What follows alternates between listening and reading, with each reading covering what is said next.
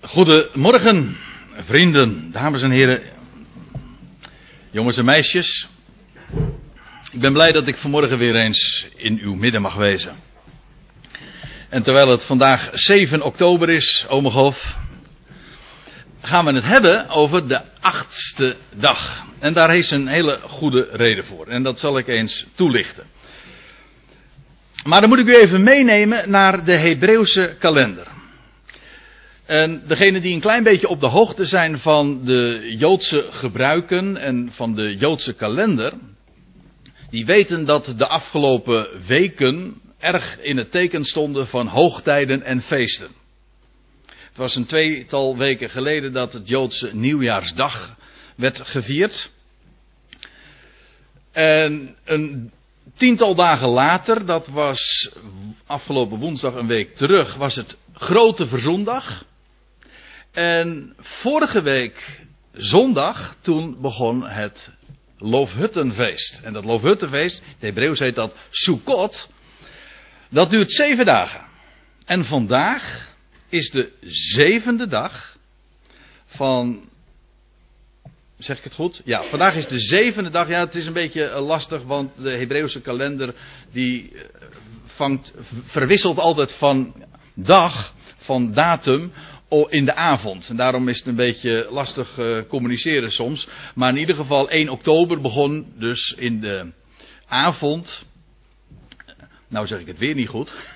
maar in elk geval vorige week zondag in de avond toen begon inderdaad het Loofhuttenfeest. En vandaag is de grote, ja de laatste dag van het Loofhuttenfeest. Van Sukkot. Dat Israël dus zeven dagen lang herinnerd wordt aan de woestijnreis. En dat is terugdenkend maar ook vooruitdenkend, vooruitziend naar het grote Messiaanse Rijk, want daar heeft Loofhuttenfeest alles mee te maken. Zeven dagen lang feest, viert men werkelijk feest. Dat wordt altijd in de Bijbel heel sterk benadrukt. Het is misschien wel, nee, niet misschien, het is absoluut zeker weten het meest feestelijke feest, echt een heel feestelijke hoogtij op Israëls, of eigenlijk moet ik zeggen op de kalender van God. Het wordt ook niet voor niks genoemd, de hoogtijden des Heren. Het zijn zijn dagen. Hij heeft ze allemaal ingesteld. En vandaag is de zevende dag, de laatste dag van het Loofhuttenfeest. Maar waarom noem ik het, heb ik het dan vandaag dan over de achtste dag? Wel, dat is omdat dat feest vervolgens wordt afgesloten met nog een achtste dag. Dat is niet meer het Loofhuttenfeest, maar dat wordt de achtste dag genoemd. En dat speelt ook een grote rol in de Bijbel. En ik wil u gewoon vanmorgen eens meenemen, zo wat bij elkaar sprokkelend in de Bijbel. En ik ben daar alles behalve compleet in. Maar ik wil gewoon u wat gedachten meegeven en dingen delen over de achtste dag. Want het is een hele bijzondere dag. Alleen al de telling. Voordat ik dat doe, wil ik eerst even wat vertellen over die kalender van, van Israël. Kijk, je hebt de, in de eerste maand, dat is in de lente, Aviv heet dat in het, uh, in het Hebreeuws, of Nisan, uh, is, dat is ook een andere naam voor die maand. De eerste maand heb je daar de, de veertiende, dat is het, het Pascha. Dan wordt het een lam geslacht. Dan krijg je, dat is precies trouwens, ik zeg het er nou meteen maar even bij, want ik wil hier niet te diep op ingaan. Dit is ook de dag geweest dat de Heer Jezus als lam Gods stierf. Precies die dag. 1400 jaar daarvoor, of 1500 jaar daarvoor, zo u wilt, was die dag dus al gefixeerd door God op zijn kalender. Vandaar ook dat het de feestdagen of de hoogtijden des Heren zijn. God wist uiteraard, de Heer voorziet, nietwaar?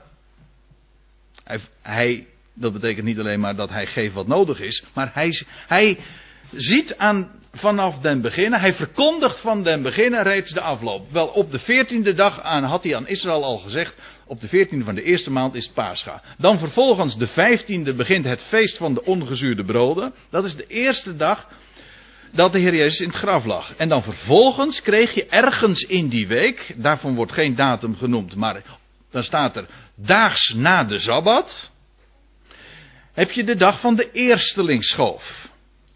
En op die dag verrees de Heer uit het graf. daags inderdaad na de Sabbat. Zodat je ziet dat in die eerste maand de dagen, de grote hoogtijden van Israël, precies samenvallen met de hoogtijden in de heilshistorie. Dat wil zeggen, verband houden met de eerste komst van Christus. Hij stierf, hij werd begraven, hij lag in het graf en hij verrees uit de doden daags na de Sabbat. En dat was op de dag dat Israël toen de, het feest vierde van de eerstelingsschoof. De eerstelingsschoof namelijk van de gerstoogst. Nou, dan kreeg je de derde maand, had je, dan moet je zeven weken verder rekenen. Dan had je het wekenfeest, bij ons beter bekend als het Pinksterfeest. Dus er, zitten, er precies zeven weken tussen deze dag en deze dag. Men moest vanaf deze dag, dan staat er een week van weken tellen. Dat wil zeggen zeven keer zeven dagen. Het getal zeven is, eh, speelt een hele grote rol altijd weer als er in de Bijbel geteld wordt. Afijn, dan krijg je vervolgens, maar nou gaan we weer een paar maanden verder, de zevende maand. En daar heb je weer een aantal hoogtijden. Je hebt hoogtijden in de eerste maand en hoogtijden in de derde maand en dan één hoogtij daartussen. Op de eerste, ik zei het al, heb je het dag van het bazuingeschal, het Joods nieuwjaarsdag. Ik ga me nou niet vragen waarom de Joden nieuwjaarsdag op de eerste van de zevende maand vieren, want dat is een apart verhaal, maar het is wel zo. Maar in elk geval, dat is de dag van het bazuingeschal. Laat ik, het met, laat ik meteen ook maar gewoon uh, uitleg geven van het hele van het verhaal, maar ook de betekenis. De eerste maand houdt verband met de eerste komst van Christus. En de zevende maand heeft, houdt verband met de voltooiing van de komst van Christus. Oftewel wat wij altijd noemen zijn wederkomst. Dat begint met de dag van het bazuingeschal. Je krijgt dan vervolgens op de tiende van de, deze maand de dag van de verzoening. Yom Kippur. En dan nog een paar dagen later begint het, het feest, en daar hadden we het over, het Loofhuttenfeest. Sukkot. Zeven dagen lang. Vanaf de vijftiende van die maand tot en met de 21ste. Vandaag, nu, op dit moment, is het dus 21 Tishri. 21ste, 21ste dag van de zevende maand.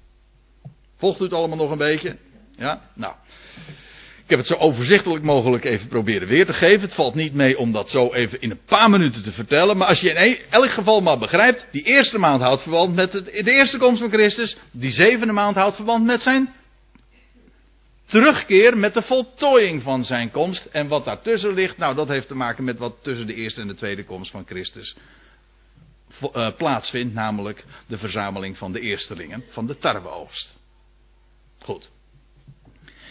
Dus het is vandaag de 21ste Tishri, de laatste dag van het Loofhuttenfeest van Sukkot.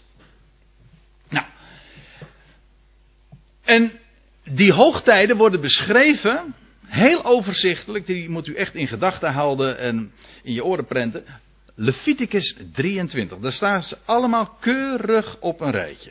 Van de Sabbat tot al, al die zeven hoogtijden ook niet toevallig natuurlijk. De zeven hoogtijden des Heren van Yahweh. En dan staat er in, het 39ste vers van dat hoofdstuk. Doch op de vijftiende van die zevende maand, wanneer gij de opbrengst van uw land inzamelt. Ja, moet ik ook nog even zeggen. Want in de eerste maand verzamelde men het gerst in. In de derde maand de tarwe. En dan in de zevende maand zamelde men, dat is dus in september, oktober, dat wisselt een beetje. In, gedurende die, die tijd uh, zamelt men de druiven binnen, de wijnoogst dus, en de olijvenoogst. Houd die vooral even vast, want daar kom ik straks nog even op terug. De olijven worden geoogst. Dus uh, wanneer gij de opbrengst van uw land inzamelt, de druiven en de, de, olijven, zult gij zeven dagen het feest of het hoogtijd des Heren vieren. Op de eerste dag zal er rust zijn. En, en nou komt hij, en op de achtste dag zal er rust zijn. Dat hoort dus niet meer bij dat Loofhuttenfeest, want dat duurt zeven dagen. De achtste dag is eigenlijk weer een, een heel nieuw begin, maar het is er wel direct aan gekoppeld. Heel eigenaardig, dat zie je heel vaak in de Bijbel, dat de zevende en de achtste alles met elkaar te maken hebben. De zeven is namelijk ook het getal van volheid. Kijk, want als je nu dus. Dit is de eerste dag, dat is de, de 15e. En dan krijg je vervolgens de. Nou ja, dit is de 16e, de 17e, de 18e. Laat ik het dan goed doen. ja, 16, 17, 18, 19, 20. En dan de 21ste. Dat is het vandaag, de zevende dag. En dan vanavond. Op de Joodse kalender dus, bij zonsondergang wordt de zevende, of de, ja, die zevende dag wordt weggetikt. Of op de scheurkalender wordt die weggehaald. En dan breekt de achtste dag aan. Dat is een grote dag. In Israël heet dat. Ja, dat is ook weer een wat apart verhaal. Want in de diaspora is het nog weer een dag later. Maar in Israël is dat. Heet die dag. Nou, ik denk. U, u, zit, u, u, u, bent hier allemaal expert. Nou, dan zal ik het zeggen. Uh, Simchat Torah. Sim, ja, nou iets zegt hè. Simchat Torah. Simchat Torah betekent vreugde der wet. In de, in de diaspora wordt dat, is dat dan weer de negende dag, maar we gaan het niet nog ingewikkelder maken. Maar in ieder geval die achtste dag na dat Loofhuttenfeest, dan krijg je het grote Simchat Torah. En Simchat Torah is een buitengewoon blijde dag waarin men zich verheugt in de Torah. Ik zeg het nou expres even zo, want het begrip wet linken wij niet aan vreugde, maar Torah, Gods onderwijzing. En ik ben ervan overtuigd dat het ook alles te maken heeft met de toekomst, met het Messiaanse Rijk en wat daarna komt. Want dan zal Israël werkelijk gaan verstaan wat de Torah behelst en waar het allemaal om gaat. En dat het niet iets is wat opgelegd wordt, maar dat het te maken heeft met, met dat wat God doet en voorzegd heeft en belooft en realiseert. Nou, dat is pure, maar dan ook werkelijk pure vreugde. Waarin je je werkelijk kunt verblijden. Dat is de achtste dag. Dat is een heel nieuw begin. En die achtste dag, en ik wil op een aantal schriftplaatsen wijzen. Ik, dit is inmiddels de tweede, ik noem er vandaag vier. Waarin de achtste dag een rol speelt. Ik heb u nu erop gewezen, de achtste dag is de dag, dus de appendix, het aanhangsel, de grote dag uh, na het Loofhuttenfeest. Maar ik zal u nog, op nog een voorbeeld wijzen. Leviticus 22, vers 27. Daar staat wanneer een rund of een schaap of geit geboren wordt, dan zal de, dat wil zeggen, het gaat hier over de eerstgeborene. Dan zal dat zeven dagen bij zijn moeder blijven, maar van de achtste dag af, en daarna zal het als een gave de Heere ten, uh, ten vuuroffer welgevallig zijn. Het gaat hier over het eerstgeborene. Altijd in de Bijbel is het zo dat God zegt: het eerste dat is van mij. Dat heeft de hoogste bestemming. De eerstgeborene, de eerstelingen van de oogst. En dan werd bijvoorbeeld, maar dat geldt, er wordt hier gesproken over een rund of een schaap of een geit, maar het geldt trouwens ook nog eens voor de eerstelingen van de oogst. Dat is voor de Heer, dat krijgt de hoogste bestemming. Vandaar ook dat de Ecclesia die verbonden is met de eerstgeborene, hij die opgestond uit de doden, kom daar straks nog echt op terug, ook de hoogste bestemming heeft. En dat bedoel ik zowel letterlijk als figuurlijk. Namelijk, in de hoogste hemelen zijn wij geplaatst met Hem, gezeteld in Christus, in de hemelse gewesten, met Hem verbonden. Niet waar? Dat is met recht uh, de hoogte waar wij op gebracht zijn. Nou, uh, er wordt hier gesproken over de rundschaapgeit dat geboren wordt zeven dagen. En maar na die zevende dag krijg je de, uiteraard de achtste. En vanaf die dag is het voor de Heer. En dan wordt het de Heer, en dan gaat het uiteraard over deze dieren. Ten vuuroffer wordt het gebracht. Dat wil zeggen, het wordt geslacht, maar dat is niet eigenlijk wat een vuuroffer is. Ja, natuurlijk, het moest geslacht worden, maar het ging op in rook. Het, kwam, het werd verhoogd op een altaar. En ging vervolgens in rook op. Goden staat er dan altijd in de Bijbel bij. Tot een liefelijke reuk. En het idee is bij dat vuuroffer niet dood, maar is opstanding. Dat wat er gebeurt na de slachting. Verrijzenis. Verhoging op het altaar. En dan vervolgens stijgt het op goden tot een, liefelijke reuk. Het heeft met nieuw leven te maken. Met de acht. Een nieuw begin. En u zegt, ja waarom heb, heb je die toonladder hier nou bij gezet? Nou, er zit namelijk nog muziek in ook. Want dit is een octaaf. Ik heb niet zoveel verstand, dus ik moet er niet al te veel over zeggen. Ik ben niet muzikaal en uh, ik weet er ook niet zo heel veel van. Maar ik weet wel dat een octaaf. Oct. We zitten nu in oktober, maar oktober is eigenlijk de achtste maand. Ja, dat is ook weer een beetje raar natuurlijk, want het is de tiende maand. Maar. Hm? Nou, even kort uitleggen. September 7, oktober is de achtste. En dan november is de negende. En dan december is de tiende. Dan zou je eigenlijk moeten doortellen. Januari is dus de elfde. En februari de twaalfde. Dat was inderdaad oorspronkelijk het einde van het jaar. En dan begon dus het nieuwe jaar in het voorjaar. Zo hoort het eigenlijk ook. Moet u, moet het, ja, u moet het mij niet kwalijk nemen dat dat veranderd is. Nee, dan verschuif je alleen maar. Maar. Dan weet u ook waarom februari de schrikkelmaand is. Ja. Maar goed. De, die, octo, die octaaf. De octaaf. Er zijn, het is do, re, mi, fa, sol, la, ti. En dan. Dat, dan, zou, dan is de reeks vol. Zeven. Ja. En dan krijg je weer de do. Niet waar? De, de achtste. Maar ze, en daarbinnen, vindt, ja, daarbinnen zijn uh, de tonen uh, opgesloten. En daar, dat, is, dat is de muziek. De allemaal binnen die octaaf. En, en waarom ik dat nu zeg, het is trouwens altijd zo. De zeven is de volheid. Je hebt zeven dagen in de week. Je hebt zeven kleuren van de regenboog. Nou, we kunnen nog wel even doorgaan. Maar in elk geval, daarna krijg je weer een hele nieuwe reeks. Bij een week is dat ook heel duidelijk. Hè? Je hebt zeven dagen. En dan de achtste dag. De dag na de Sabbat. Is dus de achtste, dat is de ja, is de eerste dag van de nieuwe week. Je kunt, maar als je doortelt is dat dus de achtste. Zodat de achtste uiteindelijk hetzelfde is als de eerste. Ja? En. Ja, nou goed. In elk geval, die acht heeft ook alles te maken met een nieuwe schepping. Dat kan niet missen. Na zeven huishoudingen, na zeven millennia menselijke geschiedenis. En die, dat zevende millennium, dat staat eh, binnenkort te, eh, aan te vangen. Dat kan niet missen.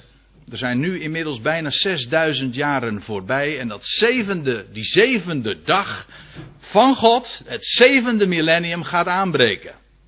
En daarna, nou dan krijg je weer een heel nieuw begin. De achtste. Een nieuwe schepping. En dat is voor de Heer, dat is volmaakt. Dat is nieuw leven. En dat wordt op allerlei manieren in de Bijbel, in rituelen, in voorschriften, wordt het allemaal al vastgelegd. Alles spreekt dezelfde boodschap. Het gaat inderdaad om die acht. Dat nieuwe begin. Ik ga snel verder, want eh, naar Johannes 7 inmiddels. Daar lezen we dat de Heer Jezus in Jeruzalem is, op het tempelplein, en daar vindt er een waterprocessie plaats. En dan staat de Heer Jezus op en hij roept wat. Dan lees je, en op de laatste, de grote dag van het feest, en het, als u even door uh, leest, of ik, eigenlijk moet ik zeggen terugleest in ditzelfde hoofdstuk, dan weet je dat het gaat over het Loofhuttenfeest. Nou, de laatste dag, de grote dag van het feest, dat is dus die appendix, die, die achtste dag. Dat is namelijk de grote dag. Dat is dus de dag die vanavond aanvangt op de Hebreeuwse kalender. Nou, op die dag, de laatste, de grote dag van het feest, stond Jezus en hij riep, zeggende, indien iemand dorst heeft, hij komen tot mij en drinken. Dat riep hij niet zomaar, ik zei al, dat was tijdens een, een hele waterprocessie daar op het tempelplein, die, daar opgevoerd. En dan zegt hij erbij, ja dat was inderdaad dus de achtste dag. En dan staat er, wie in mij gelooft, dat staat dan in het vervolg, wie in mij gelooft, gelijk de schrift zegt, stromen van levend water zullen uit zijn binnenste vloeien. Ja, en zijn, uit zijn binnenste vloeien, dat heeft te maken met, met overvloed.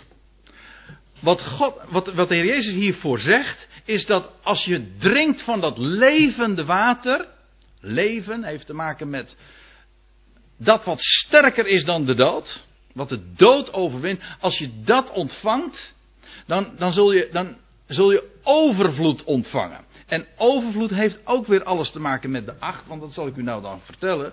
Want hij gaat dit. Dit wordt uitgelegd in datzelfde Johannes 7. Daar staat: Dit zeide hij van de geest welke zij die tot geloof in hem kwamen ontvangen zouden. Nou, ga ik u nog eens wat vertellen. Want, ik zei al, dit was op de achtste dag van het feest. En de Heer Jezus geeft hier, of hij spreekt van overvloed. Het, dus je ontvangt levend water, maar het, zal vervolgens weer uit je binnenste vloeien. Waar, de, waar het hart vol van is, daar loopt de mond vervolgens weer van over. Dat is waar hij van spreekt. Iets wat opborrelt, wat blijft geven. Overvloed. Dit zeide hij, staat er, van de geest welke, welke zij die tot hem, eh, tot geloof in hem kwamen, ontvangen zouden. De geest. Wat is de geest? Dat, de geest is leven. Dat is niet zo moeilijk. Als je de geest ontvangt in de Bijbel, dan krijg je leven net zo goed als dat als je de geest geeft, dan ga je dood. Geest is synoniem met leven. En dat leven waar het hier over gaat, dat is leven met allemaal hoofdletters. Dat leven, dat werd, kwam pas aan het licht toen hij opstond uit de doden. Niet eerder. Wij, kennen pas leven, echt leven. Sinds, die, sinds zijn verrijzenis uit de dood. Leven namelijk dat sterker is dan aan de dood. Dan eh, de dood, wat het graf overwon. Hij, hij zeide dit van de geest. En een van de groot, mooiste beelden van, van geest die ik in de Bijbel ben tegengekomen, dat is de olijf. De olijfolie. Het is mij vroeger al geleerd op de zonderschool dat olie een beeld is van de geest. Dat wat licht geeft. Ik heb hier, u ziet hier trouwens een Chanukka, ook acht armen trouwens. Die licht geeft, maar waardoor geeft ze licht? Doordat er olie in gedaan wordt. En olie in de Bijbel is altijd olijfolie. Nooit olie uit, uit de aarde, maar olie van boven. Olijfolie, is een beeld van de geest. En nou ga ik, daar zal ik er nog iets aan toevoegen, want die verbanden ontgaan je gemakkelijk, maar in de taal van de overkant, in het Hebreeuws, dan ligt dat zo voor het oprapen. Want het Hebreeuwse woord voor acht, dat is shmoneh of shmona. Dat is acht. En het Hebreeuwse woord voor olie, dat spul van de olijf, dat is shemen. Het is dezelfde stam. Dus acht, wie acht in het Hebreeuws zegt, die zegt eigenlijk ook olie. En daarmee ook overvloed weer. En hier komen ze allemaal bij elkaar, want de Heer Jezus spreekt op de achtste dag over overvloed. En hij spreekt over de geest en over nieuw leven, over olie. Precies. En die geest zouden zij ontvangen. En dan staat, er nog bij, want de geest was er nog niet, omdat Jezus nog niet verheerlijk was. Nou, is dat niet eigenaardig? Want de Heer Jezus, terwijl hij nog zou moeten sterven, spreekt hij nu al, hij voorzegt op die achtste dag, wordt uitdrukkelijk erbij gezegd, op die achtste dag spreekt hij over overvloed en over geest en over dat wat zou aan, aan het licht zou treden als bij zijn verheerlijking. Toen hij opstond uit de dood. Toen hij met recht dus verheerlijkt werd. Opsteeg ook. Ja, want het was ook op diezelfde dag dat hij verrees uit het graf, dat hij ook naar zijn vader ging. Niet definitief nog, dat zou pas 40 dagen later zijn, maar niettemin, het is wel zo. In elk geval, het spreekt van die achtste dag. Maar, ik zeg nu de achtste dag. Het spreekt natuurlijk van zijn opstanding, maar de opstanding van de Heer Jezus Christus, wij zijn gewend om daaraan te denken, te zeggen van, het was de derde dag. De Heer Jezus stond op ten derde dagen. Dat is natuurlijk waar. Gerekend vanaf het moment dat hij stierf. Stond hij op ten derde dagen. Maar dat was inderdaad daags na de Sabbat. Dus op de achtste dag, oftewel de eerste dag van de week. Daarom zijn we vandaag ook bij elkaar. Om daaraan te denken, om altijd daar weer aan te herinnerd worden op die achtste dag. Die acht is ook de, feitelijk de vervulling van de drie. Eigenlijk is een acht ook een dubbele drie, hè? Nou ja, goed. De achtste dag. Hij verrees uit het graf. En toen kwam er geest. Toen kwam er leven aan het licht. Zo geweldig. Leven namelijk dat sterker is dan de dood. En daar gaat de hele Bijbelse boodschap over. Over een nieuwe schepping. Over nieuw leven. Over dat wat aan het licht kwam op dit moment. En dan wil ik u nog wat vertellen. Dat is de laatste schriftplaats die ik in dit verband noem. En dat is over de besnijdenis. Want ik denk dat als ik van tevoren, ik heb de proef niet op de som genomen, maar als ik aan iemand had gevraagd, waar link jij de achtste dag in de Bijbel aan? Dan denk ik dat de meeste mensen die, voor zover ze daar een antwoord op zouden kunnen geven, dat ze de besnijdenis genoemd zouden hebben. Want een Joods jongetje, een Israëliet, werd besneden ten achtste dagen. Nou, dat was met de Heer Jezus trouwens ook het geval. En ik wijs nu even op Lucas 2, vers 21, maar ik had op heel wat andere schriftplaats ook kunnen wijzen. Dan staat er, en toen acht dagen vervuld waren, Lucas 2, vers 21, zodat zij hem moesten besnijden. Hoezo? Nou, dat was al duizenden jaren tevoren, al bij Abraham was dat gezegd. Nou, en toen ontving hij ook de naam Jezus, die door de engel genoemd was, eer hij in de moederschoot was ontvangen. Dat was opmerkelijk, want op de achtste dag vindt niet alleen de besnijdenis plaats, maar ook nog eens de naamgeving. Dan krijg je je identiteit, je naam. De achtste dag. Dat is bijbels denken. Maar die besnijdenis heeft ook weer alles met nieuw leven te maken. Gaan we even terug in de tijd. Een heel eind. Ik noemde zijn naam al. Abraham. Abraham was een man die niet in staat was om uh, nageslacht voor te brengen. Dat was het grote probleem in zijn leven, zeg maar, gedurende tientallen jaren. Maar God had een belofte gegeven. Door jou en jouw zaad zal ik alle geslachten van het aardrijk gaan zegenen. Dat was de belofte.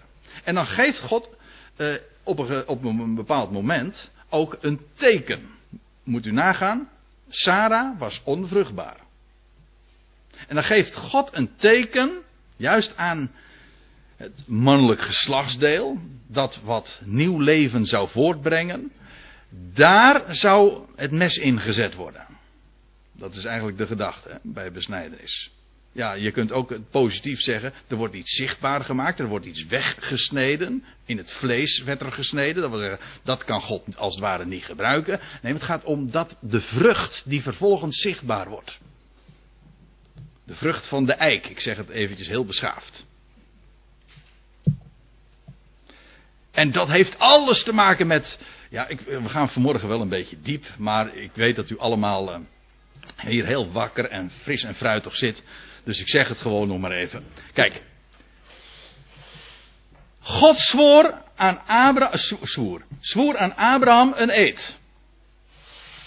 Weet u wat het Hebreeuwse woord voor eed is? Dat is Allah. Hetzelfde woord wordt ook gebruikt, maar dan wordt het vertaald met eik of eikel. Daarom lees je heel vaak, moet je maar eens opletten, dat Abraham zich, God had een, aan Abraham een eed gezworen van zijn belofte. En dan staat er, en Abraham vestigde zich bij de eikenbossen van Moreh. Later lees je weer, hij vestigde zich bij de eikenboom van Mamre. Altijd weer die, trouwens niet alleen van, bij Abraham, maar ook in de andere, bij de andere aartsvaders, telkens weer die eik. Die eik herinnerde Israël en de aartsvaders aan Gods belofte, aan de eedswering die hij had gedaan. En dat heeft dus ook alles weer te maken met het teken van de besnijdenis. Want wat dan zichtbaar wordt is de vrucht van de eik. Nieuw leven. Kijk, want Abraham was verstorven. Eva, of Eva, of Sarah was onvruchtbaar. Ze kon geen nieuw leven voortbrengen. Dat wil zeggen, het vlees was daartoe niet in staat. Zij konden het niet, het was onvermogen, zo noemen we het ook. Hè? Impotent, dat wil zeggen onvermogend. Ja, maar als het vlees niet daartoe in staat is, God rekent daar niet mee, die zet daar gewoon het mes in. Maar hij brengt nieuw leven aan, de, aan, aan het licht. Als de mens, het menselijk vermogen voorbij is, dan gaat God een nieuw begin maken, de acht. Nieuw leven, hij verwekt leven uit de dood. En daarom staat er ook in de Bijbel dat, dat uit een verstorvene zaad is voortgekomen. Dat wil zeggen, nieuw leven. En dat is de nieuwe schepping. Daaruit is het allemaal voortgekomen. Leven uit de dood. Zie daar het symbool van de besnijdenis. Daarom ook de achtste dag. Als je eenmaal uh, vertrouwd bent met zulke gedachtenlijnen, met zulke symboliek, dan kun je het plaatje vaak heel vaak al zelf ook invullen. Ja, dat ligt dan heel erg voor de hand. Moet te maken hebben met de acht. Dat is allemaal goddelijk design. Het is zo schitterend. Zoals God dat heeft vastgelegd. In elk geval, de heer Jezus werd besneden dus ook op de achtste dag. En toen ontving hij de naam Jezus. En Jezus betekent, de Heere is redder. Denk eraan. De Heere is redder. En in die naam zal alle knie gaan buigen en elke tong gaan beleiden. Inderdaad, Jezus, deze naam, die hij op de achtste dag kreeg. Jezus is Heer. En deze naam kreeg hij op de achtste dag. Maar, nou gaan we nog even, uh, nog even verder in dit hoofdstuk, want. Ja, nu weet u dus meteen waarom, waarom ik dit symbool er ook bij gezet heb. Hè? Dat is voor mij een mooi embleem van de besnijdenis. Goed, dit is Lucas 2 vers 21, maar nu ga ik even door naar Lucas 2 vers 42. Daar lees je, dat is heel boeiend, daar lees je dat toen hij 12 jaar, ja staat er in onze vertalingen, was geworden. Letterlijk staat er toen hij 12 jaar werd. En zij, zoals bij dit feest gebruikelijk was, optrokken.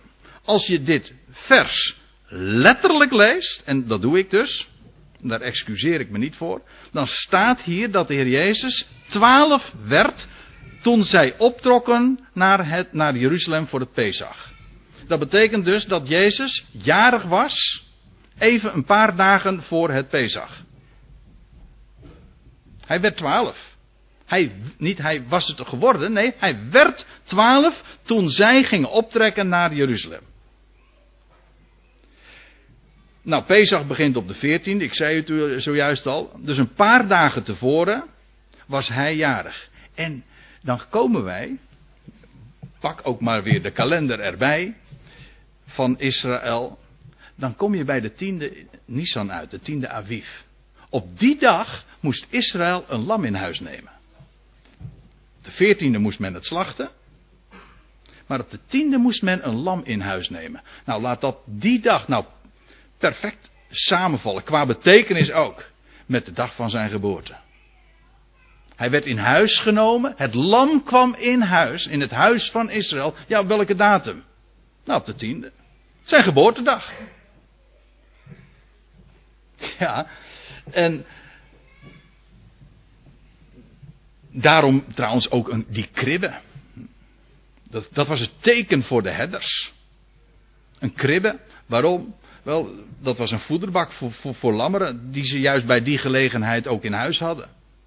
Afijn, ga even met me mee nog. Het was de tiende Aviv dat hij geboren werd. De tiende van de eerste maand. Dan ga je, rekenen we eventjes acht dagen verder. Want op de achtste dag werd hij besneden. En dan kom je hieruit op de, ja, dan moet ik, op de zestiende, dat is de zevende dag. En dan vervolgens de zeventiende Aviv, die dag werd hij dus besneden. En wat is daar zo bijzonder aan? Nou, ik heb het eigenlijk al gezegd. Zojuist. Het was de dag waarop hij later zou verrijzen uit het graf. Dus de dag dat de Heer Jezus besneden werd, was zoveel jaren later de dag dat hij de dood overwon. Zodat de, de dag van de besnijdenis samenvalt, gewoon qua als datum, met de dag dat hij verrees uit het graf. Dat dat ook nog een keertje de dag van de eerstelingsschoof was, dat, uh, dat heb ik al vermeld. Maar is dat niet wonderlijk? Allemaal, allemaal de achtste dag. Iedere keer worden we daaraan herinnerd. Zodat als de Heer Jezus, toen hij als jongetje besneden werd op die achtste dag. Dat was de dag dat hij ergens in de jaren dertig van de eerste eeuw, buiten de poorten van Jeruzalem, dat de steen weggewenteld werd. En ook weer op de dag na de Sabbat, de achtste dag, verrees uit de graf. De datum klopt zelfs. Dit is, ik zei het zojuist ook al in die termen, dit is goddelijk design. Zo was het vastgelegd. En zo zie je ook dat heel de Bijbelse boodschap daarover gaat. Over nieuw leven, een nieuwe schepping. Wel, wij zijn in Christus. En daarmee wil ik ook afsluiten. Wij zijn in Christus. Zo zegt Paulus dat later ook. Wij zijn in Christus een nieuwe schepping. Zie, het oude is voorbij gegaan. En het nieuwe is gekomen. En daarin verheugen we ons. Dat is die achtste dag. En heel de Bijbelse boodschap gaat daarover. Zo mogen we leven als een nieuwe schepping. Het oude is, telt niet. Daar heeft God het mes in gezet. En wij verheugen ons in alles wat Hij geeft en wat Hij realiseert. Zijn belofte. Het is allemaal puur om niet. Amen.